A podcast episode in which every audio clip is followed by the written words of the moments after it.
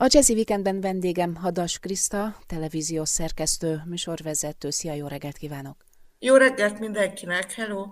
A Jön a Baba projekt ötletgazdájaként is bizonyára nagyon sokan ismernek téged, egyébként is nagyon sok mindennel foglalkozol, a nézők számtalan területen találkozhatnak veled, az embernek az a benyomása rólad, hogy energiabomba vagy, hogy mindig ezerre pöröksz. Ez így van? Ö, hát igen. igen, de már magamnak is nagyon fárasztó vagyok. Mennyi választ el a hiperaktivitástól? Egyébként, figyú, nem így van, nem vagyok hiperaktív, hanem teljesítménykényszeres vagyok. Tehát pihennék én többet, csak nem engedem meg magamnak, mert ilyenre lettem nevelve. Egyszerűen úgy érzem, hogy ha, ami egyébként teljesen abnormális, és szerintem nem jó, hogyha egy nap nem csinálok egy csomó dolgot, ami a családról is szól természetesen, akkor egyszerűen haszontalannak érzem magam. Tehát most például beszélgetünk már fő a húsleves, szervezek dolgokat, és az egész nap be van táblázva, de még egyszer mondom, ez nem feltétlenül jó, de én így tudok élni.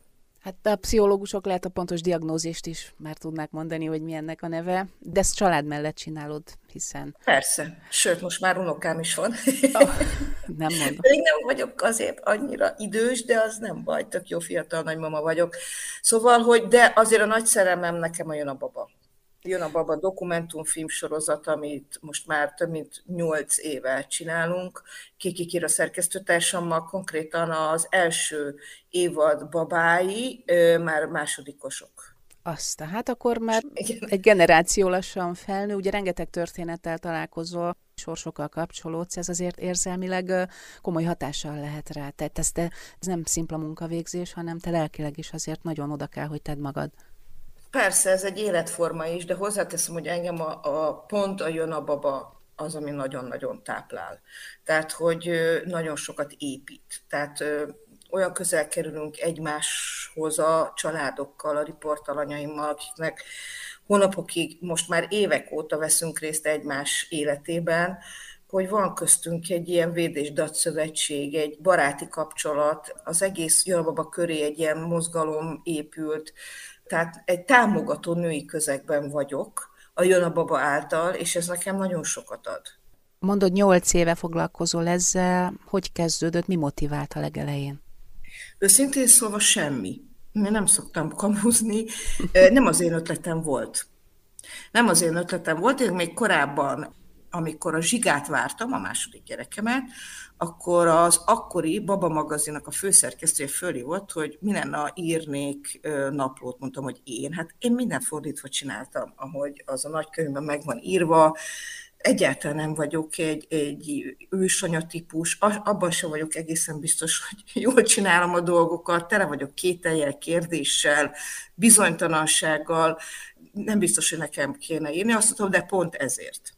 Uh-huh. És elkezdtem írni, és ezek nagyon betaláltak, ezek az írások, pont azért, mert, mert nem egy tökéletes anya képét mutattam, hanem egy tökéletlen anyát, ebből is lett az első könyvem, a Tökéletlen Anya naplója, és akkor keresett meg engem a Live TV-nek az akkori kreatív vezetője, hogyha én egyébként is a televíziós dokumentumfilmek vagy riportok az én szakterületem, akkor miért ne csinálnám meg ezt, mert hogy ezt sokan nézik külföldön, van ilyen, meg olyan, meg amolyan formátum, hogy mi lenne, ha megcsinálnám a Hadas Kriszta félét.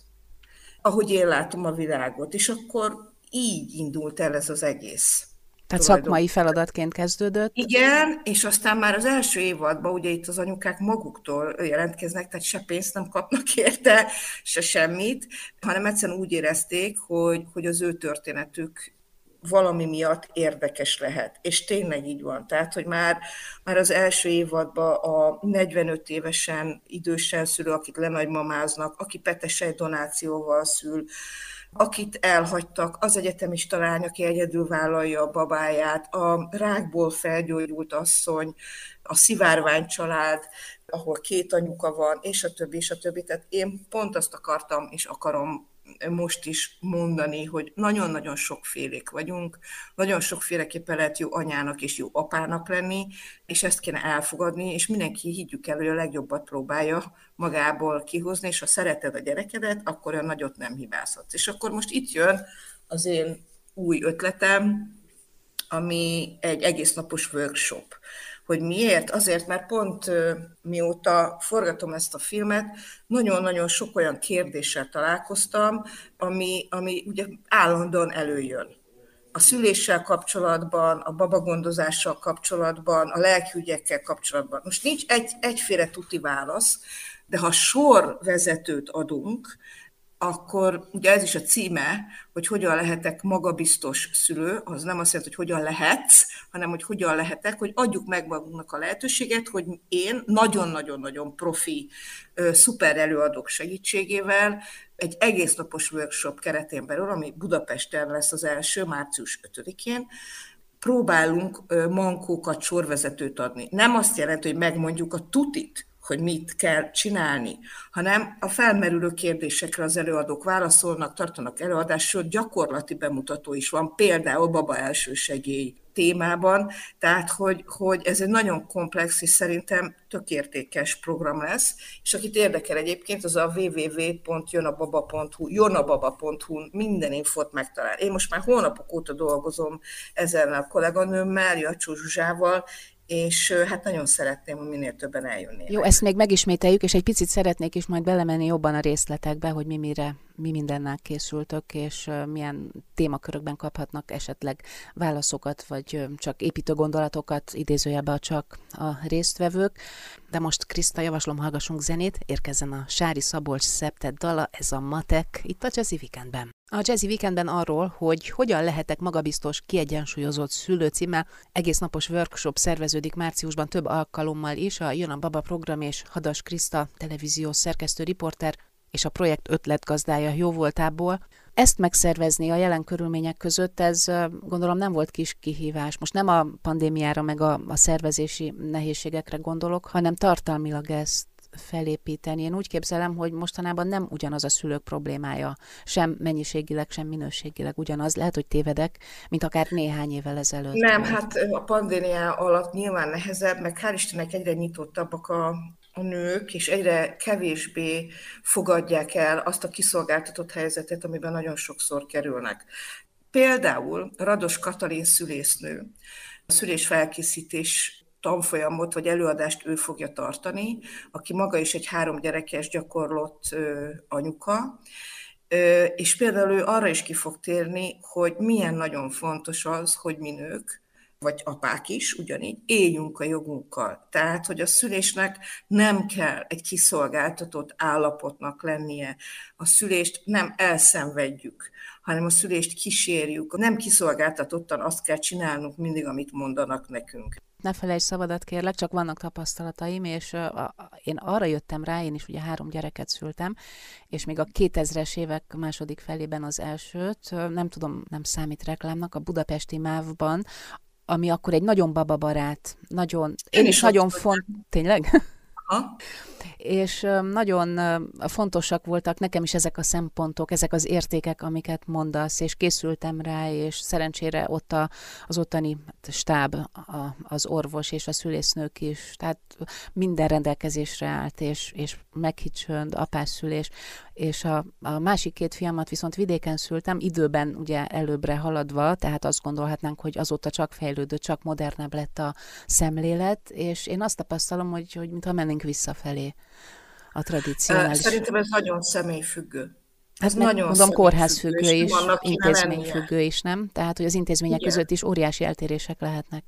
Igen, tehát nem annak kéne egyébként lennie. Tehát nem az, hogy te Kazincbarcikán szülsz, vagy, vagy Budapesten, ennek nem kéne látszódnia. Most a Kazincbarcika csak eszembe jutott. Igen, egyébként teljesen máshol szült. Fantasztikus szülésznő vel dolgoztunk egyébként együtt, illetve volt ott a szülés, mi voltunk csak ott a szülésen, ő uh-huh. dolgozott, uh-huh. Kazinc Barcikán nagyon jó tapasztalatom volt, de ez is, tehát nem kéne ennek személyfüggőnek lenni, nem kéne ennek intézményfüggének lenni, a gyengétszülés, az odafigyelés, az, az azt gondolom, hogy alapvető emberi jog és a mi szülésznőnk Rados Katalin nagyon sok mindenről fog beszélni, a vajudási pozícióktól a kezdve a légzés technikán át, a gátvédelemről, a fájdalomcsillapításról, hogy lehet-e, hogy lehet, mit ajánl ki, hogy egyáltalán mi az a szülés indítás, miért lehet rá szükség, és mikor nem. Miért fontos az aranyóra, milyen technikákkal segíthet az apa, miért fontos a szülési terv, amit persze én tudom, sokszor az élet felülír, de jó, ha az ember tudja azt, hogy, vagy legalábbis eltervezi, hogy ő, ő milyen pozíciókban is hogyan szeretne szülni, és nagyon jó, ha ezt előtte meg tudja beszélni a, a kórházzal, bár ugye most már nincs fogadott szülésznő és szülészorvos, aminek van jó oldala, és van rossz is, Aha. mert egy ügyeletben nem biztos, hogy te el tudod darálni, hogy kérném szépen, én sétálni szeretnék szülés közben, és engem ne zárjanak Arra be. vonatkozóan kaphatnak jó tanácsot a kismamák a workshopon, hiszen itt most ezeket a kérdéseket ja, nyilván, nem. már is mondom, nem válaszolhatjuk itt meg, mert a terjedelmében sem, Persze. de hogy, hogy ilyen helyzetben egy nő ugye akkor is kiszolgáltatott, ha egyébként nem az. Már csak azért is, mert szül, mert fájdalmai vannak, mert olyankor befolyásolhatóbb, tehát arra, hogy előre előre fölkészülni, hogy majd egy ilyen bizonytalanabb helyzetben hogyan tudjunk karakánul kiállni magunkért, vagy esetleg a férjünk mellettünk, vagy Erről majd... is fog beszélni. Mert ez Erről egy nagyon fontos kérdés. Az, arra azért figyelünk a workshopon, hogy például a szülésfelkészítésnél lehet, hogy mi felfestünk egy ideális képet arról, hogy milyen a háborítatlan szülés, még akkor is, ha kórházban, bár akkor háborítatlanról nem beszélhetünk, de hogy az milyen, és ezzel szemben mondjuk mással találkoznak a, majd az adott helyen az emberek, erről is fognak beszélni, de azért tovább megyek, ami a magabiztossághoz kell, nekem mindig voltak ilyen visszatérő rémálmaim, hogy mi van ekkor, mi van akkor, ha a gyerek félrenyel, ha a gyereknek megakad valami a torkán, ha a gyerek nem lélegzik, stb. stb. Déri Soma mentőtiszt például baba elsősegély tanfolyamot fog tartani, vagy előadást fog tartani, de nem csak előadást, hanem ki is lehet próbálni. Tehát lesz élethű baba, amin lehet a helmifogást gyakorolni, ugyanis azért az nagyon fontos, hogy a pánik elkerülése az adott esetben tényleg életet menthet. Tehát, hogy a, a gyakorlati oktatás alatt megmutatja, hogy mit kell például egy légúti idegentest esetén tenni, és milyen ezébb veszélyhelyzetek adódhatnak, és mondjuk a mentő kiérkezésig mit kell tenni. Soha senkinek ne legyen rá szüksége, de én tudom, és a lányom is részt vett egy ilyen oktatáson, csak nem egy ilyen egynapos workshopon belül, hogy mennyire megnyugtató az neki, hogy a kisagyában hátul azért ott van, hogy ő azért tudja hogyha baj van, akkor mit kell tennie. Uh-huh. Hát alapvető gyermekgondozási tudáshoz ez hozzá kellene, hogy tartozzon, azt gondolom. Tehát elsősorban kisgyermekes problémákra koncentráltok? Igen, tehát itt ugye arra gondolunk, hogy várandós családok, apa, anya együtt, vagy csak anya egyedül, ki hogyan ítéli meg, jön el, és őket várjuk és akkor egy komplex dolgot adunk, ugye lesz egy laktációs tanácsadónk és csecsemős nővérünk, na itt jön a következő, tehát a lányom is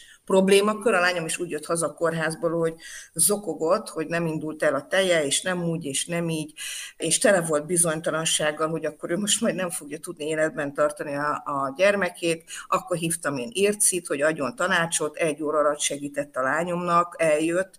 Na most itt ezt magán a workshopon ha nem is azt mondom, hogy megtanulhatják, de tapasztalhatják meg az anyukák, hogy hogyan kell a szoptatásra hangolulni, milyen a korszerű újszülött ápolás, a köröm, a hajápolástól kezdve, a hogyan, hányszor fürdessük, kell-e minden nap fürdetni, milyen a, a megfelelő bőrápolás, milyen praktikák vannak a tej beindítására, vagy a, a, akkor, ha nem, és mi van akkor, ha sajnos tápszerhez kell nyúlni, milyen útvesztők vannak, meddig szoptassunk, mit jelent az az Apgar érték, amivel ugye elengedik a gyerekeket a kórházból, vagy az újszülötteket, milyen szűrővizsgálatok vannak, szóval rengeteg olyan kérdés van, amire Bocskani Irci válaszol.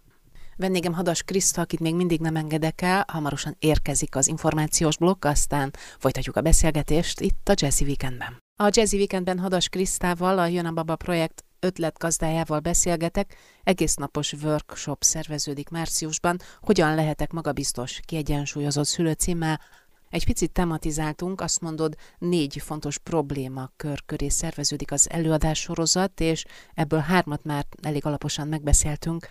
A negyedik, ami nekem az agymenésem, az pedig a lelkiügyek. Dr. Asen Brenner Zsuzsanna gyerekorvos, és képzésben lévő Párizs családterapeutát kértem fel, aki egyébként ő maga is öt gyermekes anya, hogy a kapcsolati kihívásokról, szülő-gyerek, szülő, anyuka-apuka, párkapcsolati kihívásokról beszéljünk, beszéljen, tőle erről lehet kérdezni. És hát itt vannak a különböző transgenerációs problémák, amik az ember, minden családban van ilyen. Sok családban nem jó minták vannak, örökölt fájdalmak, évtizedek óta elhallgatott dolgok, hogy hogyan tudja az ember továbbadni, vagy feldolgozni a traumáit, és továbbadni a jót. Érted, amit mondok? Hogy ne hogy... érteném, ezeket inkább átkoknak nevezném, mint problémáknak, és hát, sokkal igen. nagyobb baj tudnak okozni, mint azt hinnénk. Sokan ugye, tehát nem is biztos, hogy értjük, vagy felfogjuk ennek a jelentőségét, hogy hol kell vonalat húzni és restartot indítani esetleg. Igen, mert... de ez nagyon nehéz. Hát ez nagyon, nagyon, hát fölismerni is már eleve azt hiszem, hogy nehéz. Aztán megvenni a bátorságot, hogy szembenézni ezekkel a démonokkal, ez ugye a munka első része, utána pedig tiszta lapot teremteni a gyerekek felé, ez én is nagyon sokat gondolkodom azon, hogy vajon jó mintát adtam-e a lányomnak azzal, hogy ő egy mániákusan dolgozó anyuka mellett nőtt fel, és lett ő maga is anyuka, de, de látom rajta, hogy ő elválasztotta, hogy mondják, a búzát az ocsútól, tehát ő lerakta az én teljesítménykényszeremet, amit én örököltem, és amit én belém-belém neveltek a családom, a nagymamám, az anyukám, akik nem véletlenül, én pontosan tudom a választ, miért lettek ilyen keményen dolgozó nők, de az én lányomnak már ezt sikerült lerakni, és egy sokkal szabadabban magát átadva az örömöknek foglalkozik a kislányával, az én unokámmal, de ezek nagyon fontos kérdések. Én most csak egy kérdést vetettem fel, ami az én családomban van, de minden családban vannak ilyen transgenerációs problémák, és a doktornő abban segít, hogy, hogy ezeket hogyan gondoljuk végig. Ez nem azt jelenti, hogy másfél óra alatt lerakjuk a problémáinkat, de legalább az, hogy merre érdemes elindulni. Ez szerintem erről nagyon fontos beszélni. És hát a párkapcsolati részéről is, már ugye, ha egy baba vagy már több gyerek van a családba, vagy érkezik a családba, hát akkor nagyon nehéz megtartani férj és feleség között azt a harmóniát, ami ne csak a logisztikáról, meg az idegeskedésről szóljon. A, te csináld ezt, én csinálom azt, Igen. tudod, biztos te is ismered. Hogyne, ez, ez végig motoszkál bennem, amíg beszélgetünk, és most, hogy meg is érkeztél a, a párkapcsolati kérdésekhez, többször említjük az anyukákat ebben a beszélgetésben, néha azért elhangzik, hogy az apukáknak is érdekesek lehetnek ezek a témák. Nagyon. Én azt gondolom, hogy a modern apának szerintem 50-50, tehát jó most a szoptatás problémáját azt leszámítva, de egyébként de az, ez... hogy például segítsenek hogy, a feleségének hogy abban. Ne, bármiben.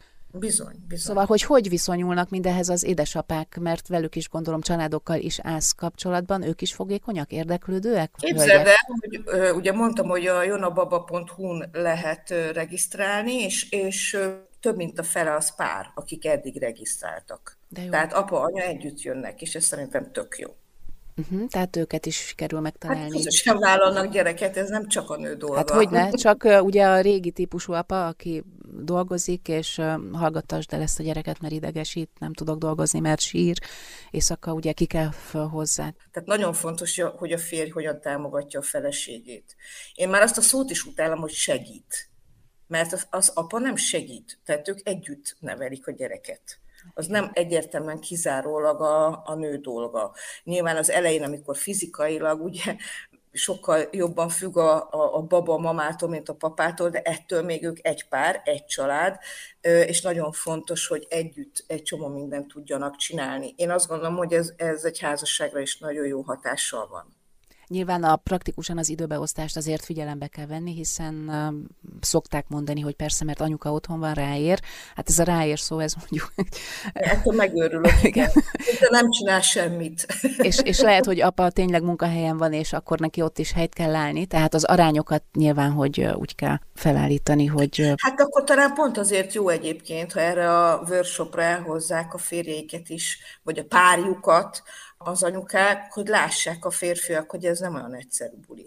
Azért a döntéseket hozni egy csomószor. És, és, de én azt látom, hogy na, ez már nagyon sok családban egészen másképp van. Most Tehát hál' Istennek ezt azért most már kezdjük ezt a patriárhátust itt le, levetkőzni. És persze azelőtt is voltak jó fej támogató apukák, tehát itt most semmiféle általánosítás nem, csak hát mégiscsak tendenciák azért vannak. Még egyszer akkor mondjuk el kérlek, hogy a helyszíneket és az időpontokat és a jelentkezés módját, útját.